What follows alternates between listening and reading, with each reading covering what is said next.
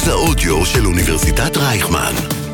כל האוניברסיטה אודיוורסיטי. הטרוריסט, מאחורי הקלעים של עולם הטרור והביטחון.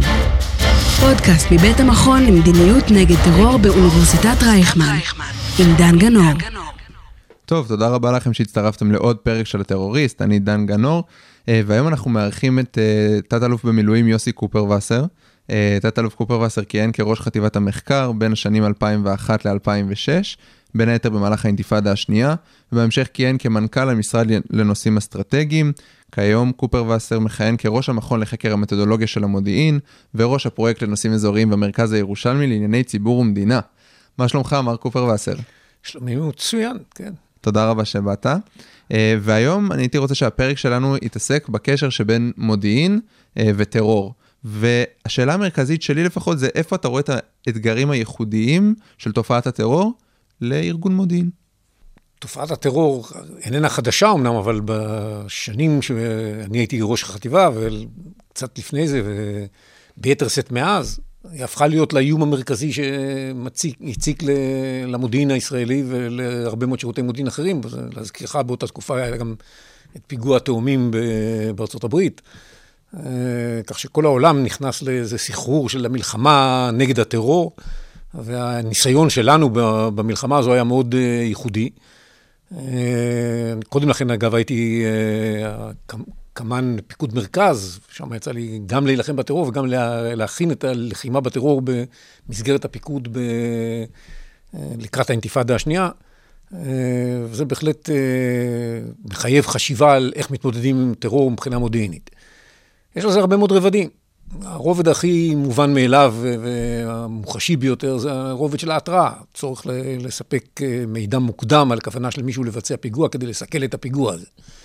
שזו תורה בפני עצמה, שבארץ מי שמתעסק איתה בראש ובראשונה זה השירות, שירות הביטחון הכללי, שבאמת הגיע לרמות מרחיקות לכת, אבל לא רק, גם במוסד, גם באגף המודיעין בצה"ל, עוסקים הרבה מאוד במתן התראות לפיגועים, כל אחד בגזרתו ובגזרת, בתחומי אחריותו, וזה מחייב מעקב מאוד דקדקני אחרי כל הגורמים הפוטנציאליים העלולים לייצר פיגוע. הדבר הזה נהיה הרבה יותר מסובך לאורך השנים, כי בעבר פיגועים היו יוצאים בעיקר מטעם ארגונים מסודרים, ארגוני טרור, שיכולת לדעת שיש איזה מישהו בתוכם שאחראי על הוצאת הפיגוע, ויש תהליך של הוצאת הפיגוע, ויכולת יכולת לדעת איפה, מי אחראי על מה. ואיך זה מתבצע, אז יכולת למקד את אה, תשומת הלב שלך כדי לדעת מראש מי מגלגל איזשהו פיגוע, ובשלב מתאים להתערב בגלגול ולמנוע אותו. אף פעם לא הייתה לנו הצלחה מלאה בדברים האלה, אבל הצלחנו לא מעט פעמים. אה, וזה המרכיב הכי מובן מאליו של המלחמה בטרור בהיבט המודיעיני. אבל מעבר לזה, אה, יש עוד הרבה מאוד שכבות של אה, אה, תשומות מודיעיניות במערכה לטרור, שקשורות להבנת האידיאולוגיה ותפיסות העולם של הצד שמנגד, איך הוא מתייחס לטרור, מהו. מהי המדיניות שלו בנושא שימוש בטרור, וכיצד כתוצאה מכך נגזרת הפעילות עצמה. זאת אומרת, לא, לא רק הפיגוע הספציפי, אלא גם להבין את המקורות. בוודאי, בוודאי. להבין את המקורות אה, האידיאולוגיים והמדיניותיים mm-hmm. של אה, ביצוע הטרור.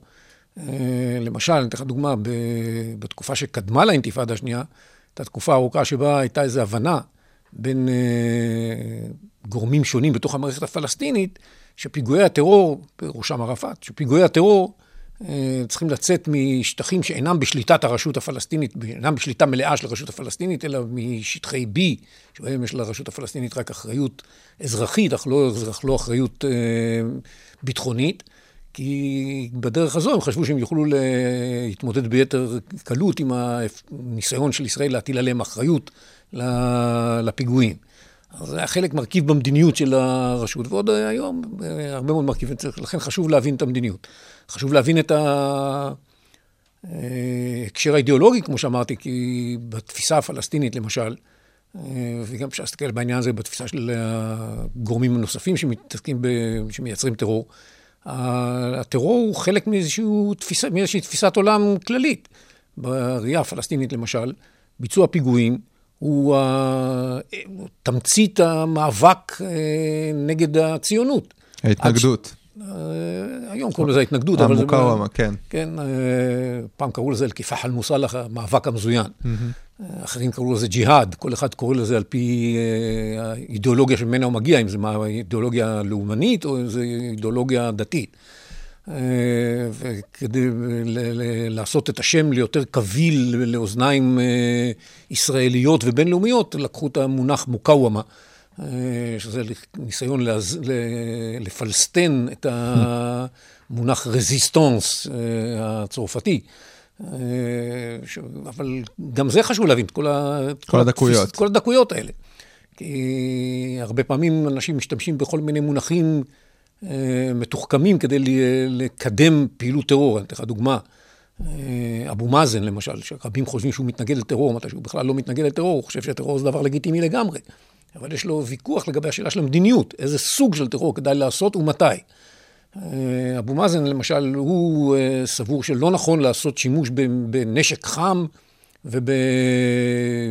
ובפצצות, חומרי נפץ בפיגועי טרור, כי בראייתו הדבר הזה גורם יותר נזק מאשר תועלת. לא שזה לא מוסרי, אלא שזה גורם יותר נזק מתועלת. אבל לכן הוא בעד מה שהוא קורא אה, מוקאוומה שעביה, לפעמים מוקאוומה שעביה סלמיה, זאת אומרת התנגדות עממית או התנגדות עממית שלומית. שזה אבנים, אה, בקבוקי תבערה, אה, יכול להיות גם לעיתים אה, סכינים ופיגועי דריסה. כל הדברים האלה הם דברים שמבחינתו הם אה, לגיטימיים. ואם אתה יודע להבחין במדינ... בשינויי המדיניות, מתי צריך לעבור מ... מרק בקבוקי תבערה ואבנים, אלא גם לפיגועי דריסה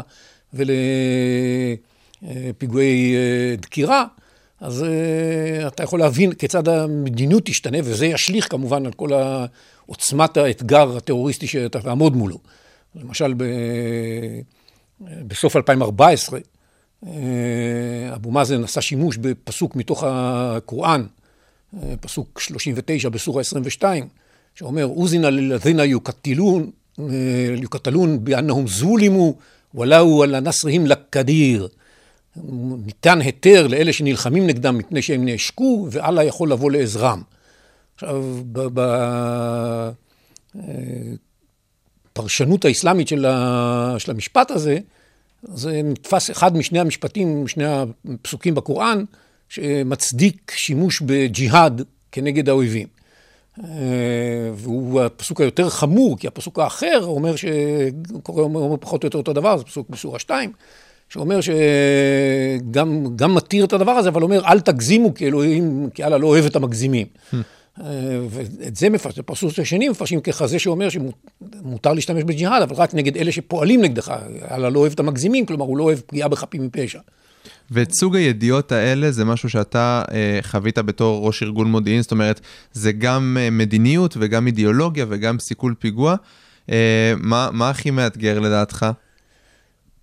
הכל מאתגר, אין שם שום דבר קל בלחימה מודיעינית בטרור. צריך להבין את המבנים של הארגונים, צריך להבין את איך, מי, מי עושה מה, צריך להבין איך, איך הארגונים האלה שינו את דרכי פעולתם. היום אנחנו רואים הרבה מאוד פעולה, מה שנקרא זאבים בודדים, איך הם שינו את מאפייני פעולתם, במקום, בגלל שישראל עלתה פחות או יותר על מרבית פעילות המאורגנת, הם עברו להפעלה של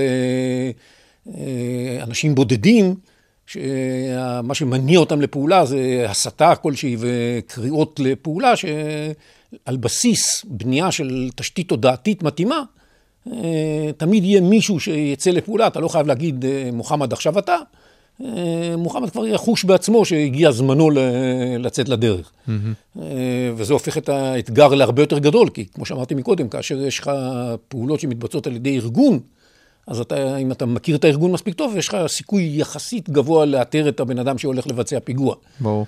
לעומת זאת, כאשר עוברים לתפיסה של הפעלה לא, לא אישית ולא ארגונית, אלא הפעלה מרחוק על ידי יצירת תשתית תודעתית מסוימת, קשה מאוד לדעת מי יהיה המפגע הבא, זה כל מה שאנחנו קוראים ה-lone wolf, בעיית הזאבים הבודדים.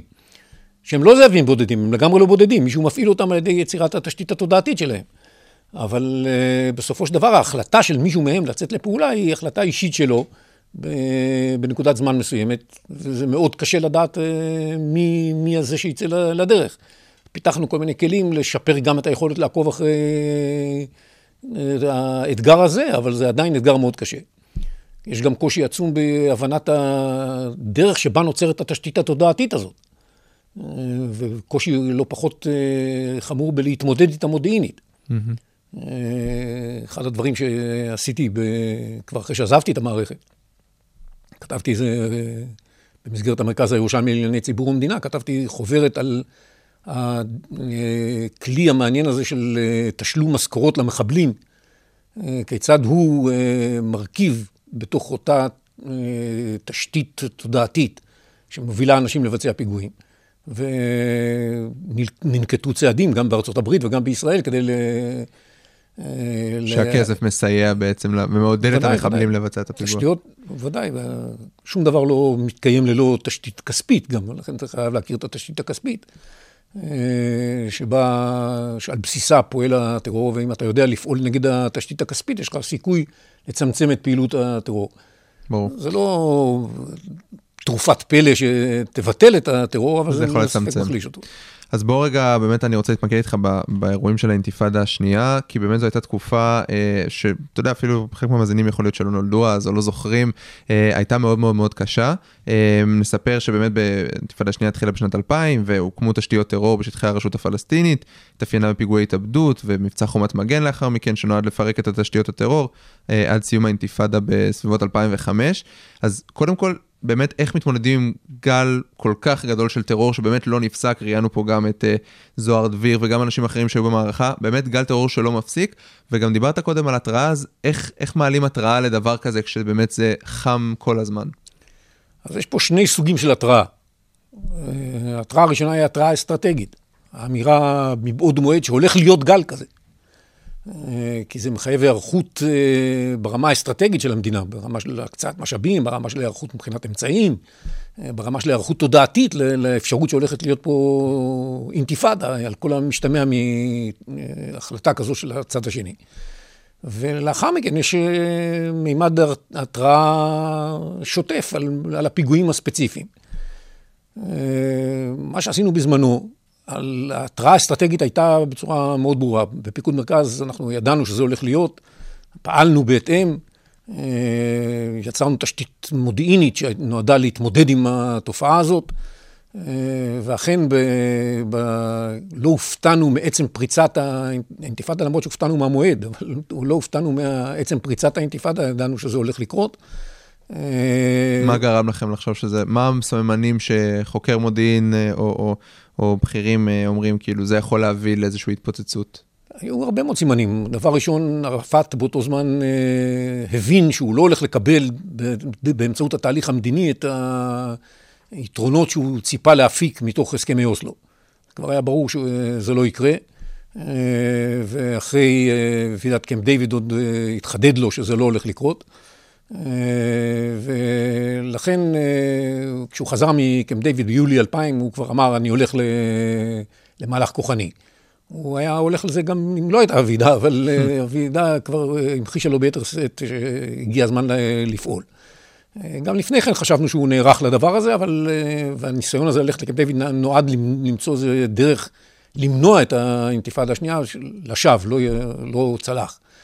הדבר השני, ראינו הרבה מאוד עדויות בתוך התקשורת הפלסטינית, אה, בהתבטאויות של ערפאת לאורך כל השנים, שהבהירו שהוא לא אימץ את הדרך המדינית כדרך הבלעדית לקידום יעדי הפלסטינים, אלא הוא שמר כל הזמן, והוא התבטא רבות בעניין הזה, שאם לא, אני לא אקבל את מה שאני רוצה באמצעות התהליך המדיני, אני אקח את, ה, את מה שאני רוצה באמצעות החזרה לפעילות הטרוריסטית. וידענו שזה מה שהוא עושה, הוא גם הכין את התנזים, היינו פחות מודעים לכל הפעולות, לאחר מכן נולדו לנו הרבה מאוד פרטים לגבי הפעילות הזו, אבל חלקה התברר לנו גם כבר אז, ההכנות של התנזים וגם מערכת היחסים שהוא בנה עם ארגוני הטרור המובהקים שהתנגדו לאוסלו, עם החמאס ועם הג'יהאד האיסלאמי. Mm-hmm. ראינו את זה ב-96 ו-97, בפיגועים של 96-97, כאשר הוא הבטיח להם שהוא ייתן להם חופש פעולה, כשהוא היה צריך הפעלת אה, טרור אה, סביב פרשת הבנייה בהר חומה ב-97. זאת התראה- אסטרטגית הייתה.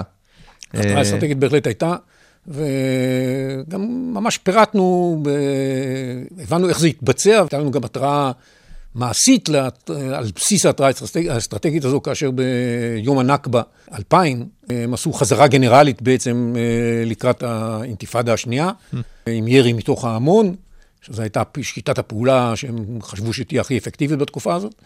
ראש הממשלה דאז, ברק, אמר הבין את זה בעצמו מתוך אה, השיחות שהיו לנו איתו, ואמר, אה, כן, הפלסטינים לא רוצים לקבל את, אה, את המדינה הפלסטינית שהם מייחלים אליה אה, על מגע של כסף, אלא על מגע של דם.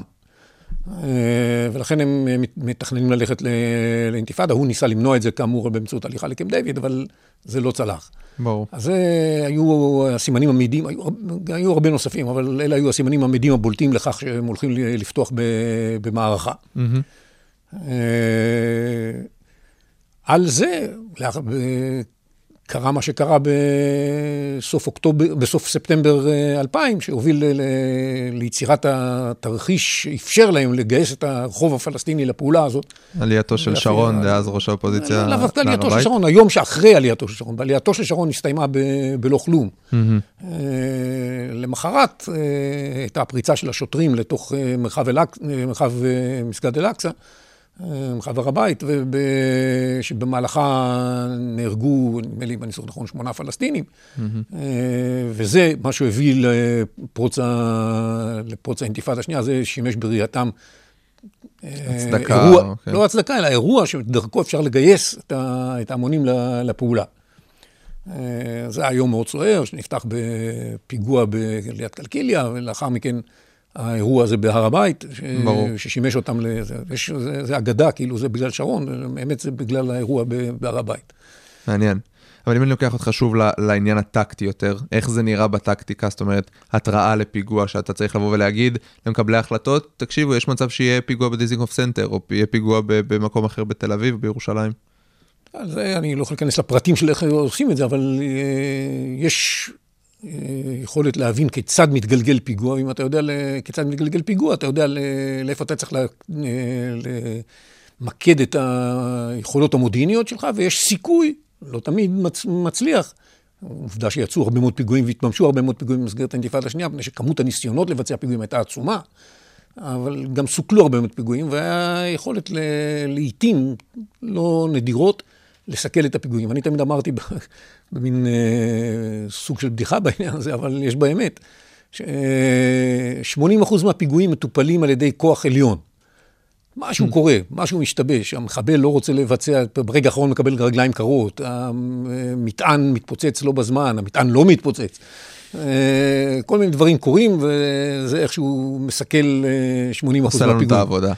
אבל עדיין נשאר 20% מהפיגועים שאנחנו צריכים לטפל בהם, ואם אנחנו אה, מצליחים לסכל אה, 18%, שזה נחשב לאחוז לא, לא מבוטל, עדיין אה, 2% מהפיגועים מתממשים, וזה, ומה שאנשים יודעים עליו, כי זה הרעיון שעומד מאחורי טרור, אף אחד לא סופר את כמות הפיגועים המסוכלים. זה לא עושה רעש, אף אחד לא מתעניין בזה. לכאורה זה כלב נשך אדם, וזה ברור. אה, אבל אה, כאשר מתבצע פיגוע על זה, כולם אה, ממקדים תשומת לב, וזה מין תופעה מאוד מתסכלת עבור המתמודדים עם הטרור. ברור. הסיכול הוא גם על ידי מניעת יציאתו של פיגוע, אבל גם יש מרכיב חשוב בסיכול שזה פגיעה בתשתיות הטרור. שגם הוא תפקיד של המודיעין, לאתר את התשתיות האלה ולאפשר את הפגיעה בהן. תשתיות יכול להיות מתקן לייצור אה, רקטות ברצועה, יכול להיות אה, מעצרה של אוניית הנשק קרין A בדרכה מאיראן לישראל, אה, ויכול להיות סיכולים ממוקדים של כל מיני פעילי טרור שמתכוונים לבצע פיגועים ושהם סוג של פצצה מתקתקת, מונח שהגדרתו היא פלואידית קצת. אז באמת, כשמדברים על מערכה בטרור, אז יש לנו גם את אגף המודיעין וגם את השב"כ וגם את המוסד. איך אתה מתאר את שיתוף הפעולה הזה גם אז וגם לדעתך היום? אני חושב שתמיד יכול להיות יותר טוב, כן? אה, אבל יש שיתוף פעולה יחסית, למה שאני מכיר משירותי מודיעין אחרים, כן. שיתוף הפעולה בתוך אה, מערכת המודיעין הישראלית במלחמה בטרור הוא לא רע לגמרי. אה, כמו שאמרתי, אפשר, אפשר היה לעיתים לעשות יותר טוב. יכול להיות שאפילו היום ניתן לעשות קצת יותר טוב. אה, כי כל אחד אה, מגן על השיטות ועל המקורות שלו, כל, גור, כל גורם מודיעין מגן על השיטות והמקורות שלו ועל אה, נכסיו, וחלוקת האחריות היא לא תמיד לוקחת בחשבון את החפיפות שקיימות בין מרחבי האחריות של כל אחד מהארגונים. אבל בסך הכל לאורך השנים למדנו, ויש היום בכל מה שקשור לסיכול טרור, שיתוף פעולה לא רע לגמרי בין המרכיבים השונים, שבהחלט ראוי להערכה. הזכרת מקודם את הכלי של אה, סיכולים ממוקדים, שבאינתיפאדה השנייה השתמשו בו אה, לא מעט פעמים. משהו שהיית יכול להגיד שהוא אה, מיוחד באתגרים של הכלי הזה, או במודיעין שאתה צריך לספק עבור אה, מימוש של סיכול ממוקד? תראה, הבעיה עם מודיעין לסיכול ממוקד שהוא לעיתים תכופות בעל אה, אורך חיים מאוד קצר. אה, ולכן אתה חייב להיות ממוקד ומסוגל ל- ל- לסגור מעגל ב- בזמן אמת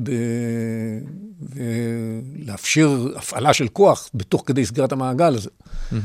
אה, ולפעמים זה כרוך גם באתגרים לא מבוטלים של אה, עמידה בכללים נוספים שאנחנו לוקחים על עצמנו וגם מחויבים אליהם, כמו למשל צמצום הסיכוי לפגיעה בבלתי מעורבים. אה, אנחנו כולנו מכירים את המקרים של אה, סלאח שחאדה ושל, אה, ושל אחרים, שבהחלט נעשו מאמצים, אבל לא תמיד הצליחו למנוע פגיעה בבלתי מעורבים. ישראל פועלת תמיד על פי כללי הדין הבינלאומי ועל פי כללי המוסר שהיא מייחסת לעצמה, ואנחנו רואים את הדבר הזה הרבה מאוד פעמים בכל מה שקשור להקש בגג וכל מיני פעולות נוספות שנעשות כדי להבטיח צמצום ככל האפשר של פגיעה בבלתי מעורבים, זה גם אתגר שאנחנו כל הזמן לוקחים על עצמנו.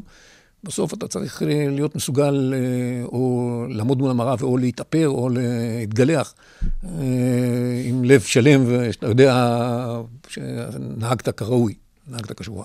ברור. אם אני לוקח אותך, אם דיברנו קודם על טקטיקה, אז דווקא לקומה האסטרטגית יותר, כראש חטיבת המחקר, אה, במהלך האינתיפאדה השנייה באמת התקבלה החלטה לצאת ממבצע חומת מגן אה, למיגור תשתיות הטרור. אה, איך באמת, דיברת על זה קצת בהקשר של המדיניות, אבל אם אתה יכול לתאר טיפה יותר איך עובד התהליך הזה של לפחות אצלך של קבלת החלטה כזו, כשאתה בא בין הדרג המודיעיני לדרג של מקבלי ההחלטות. כשאנחנו חזינו את הדרך שבה תתפתח המערכה הזאת, המסר שלי היה שהמערכה הזאת תיקח שש שנים. וכתבנו נייר בפיקוד מרכז במחצית השנייה של אה, שנת 2000, שנקרא לקראת ספטמבר, שבו חזינו איך בדיוק התפתח המלחמה לאורך שש השנים האלה. אה, ואם קוראים אותו, אני חושב שזה נראה די חזוני ודי מדהים. מפחיד. כי די ידענו. המוכנות המודיעינית שלנו הייתה בעיקר לחלק הראשון של, ה... של המערכה הזאת, שחשבנו על האפשרות של אה, ירי מתוך ההמון, ולאחר מכן המעבר לירי לאורך הצירים. ידענו, אמרנו שהשלב הבא יהיה מעבר לפיגועים בתוך שטח, אה, בתוך הקו הירוק, אה, בתוך שיתוף פעולה עם החמאס והג'יהאד האיסלאמי. ידענו שזה מה שילך לקרות, אבל כשזה קרה, לא היינו מספיק ערוכים בצורה טובה כדי למנוע את זה. ומה שקרה זה שהיה רצף פיגועים אה, במשך אה, למעלה משנה, אה, שגבה מחירים עצומים בנפש מאוכלוסיית ישראל. וככל שזה הלך והתפתח, ככה נוצרה אה, וגברה התובנה שצבאית נערכנו אליה מבחינה תכנונית עוד קודם לכן.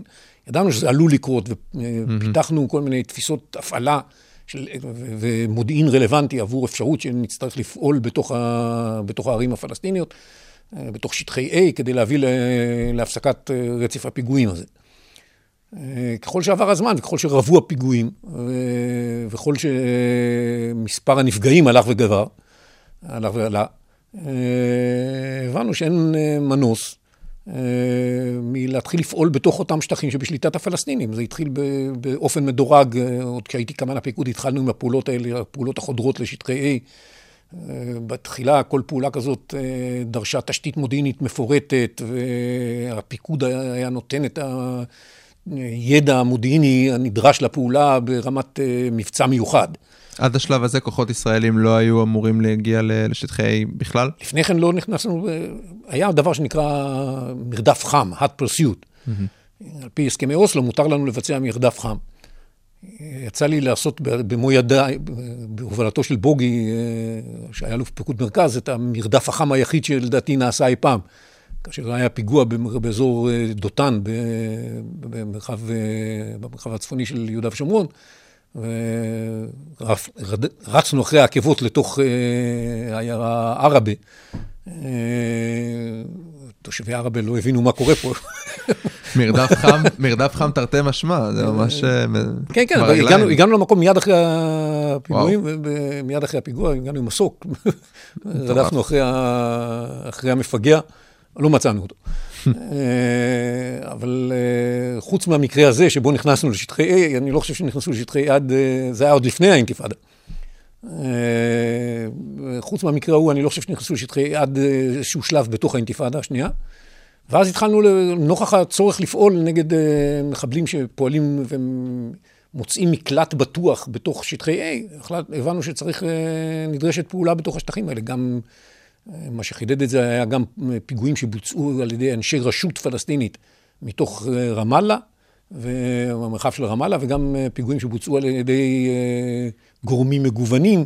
זאת אומרת, הם ניצלו את החסינות הם שבעצם... ניצלו את החסינות וידעו שאנחנו לא נגיע לשם, אז הם ביצעו פיגועים גם בירי על גילו וגם על פיגועים מתוך מרחב רמאללה.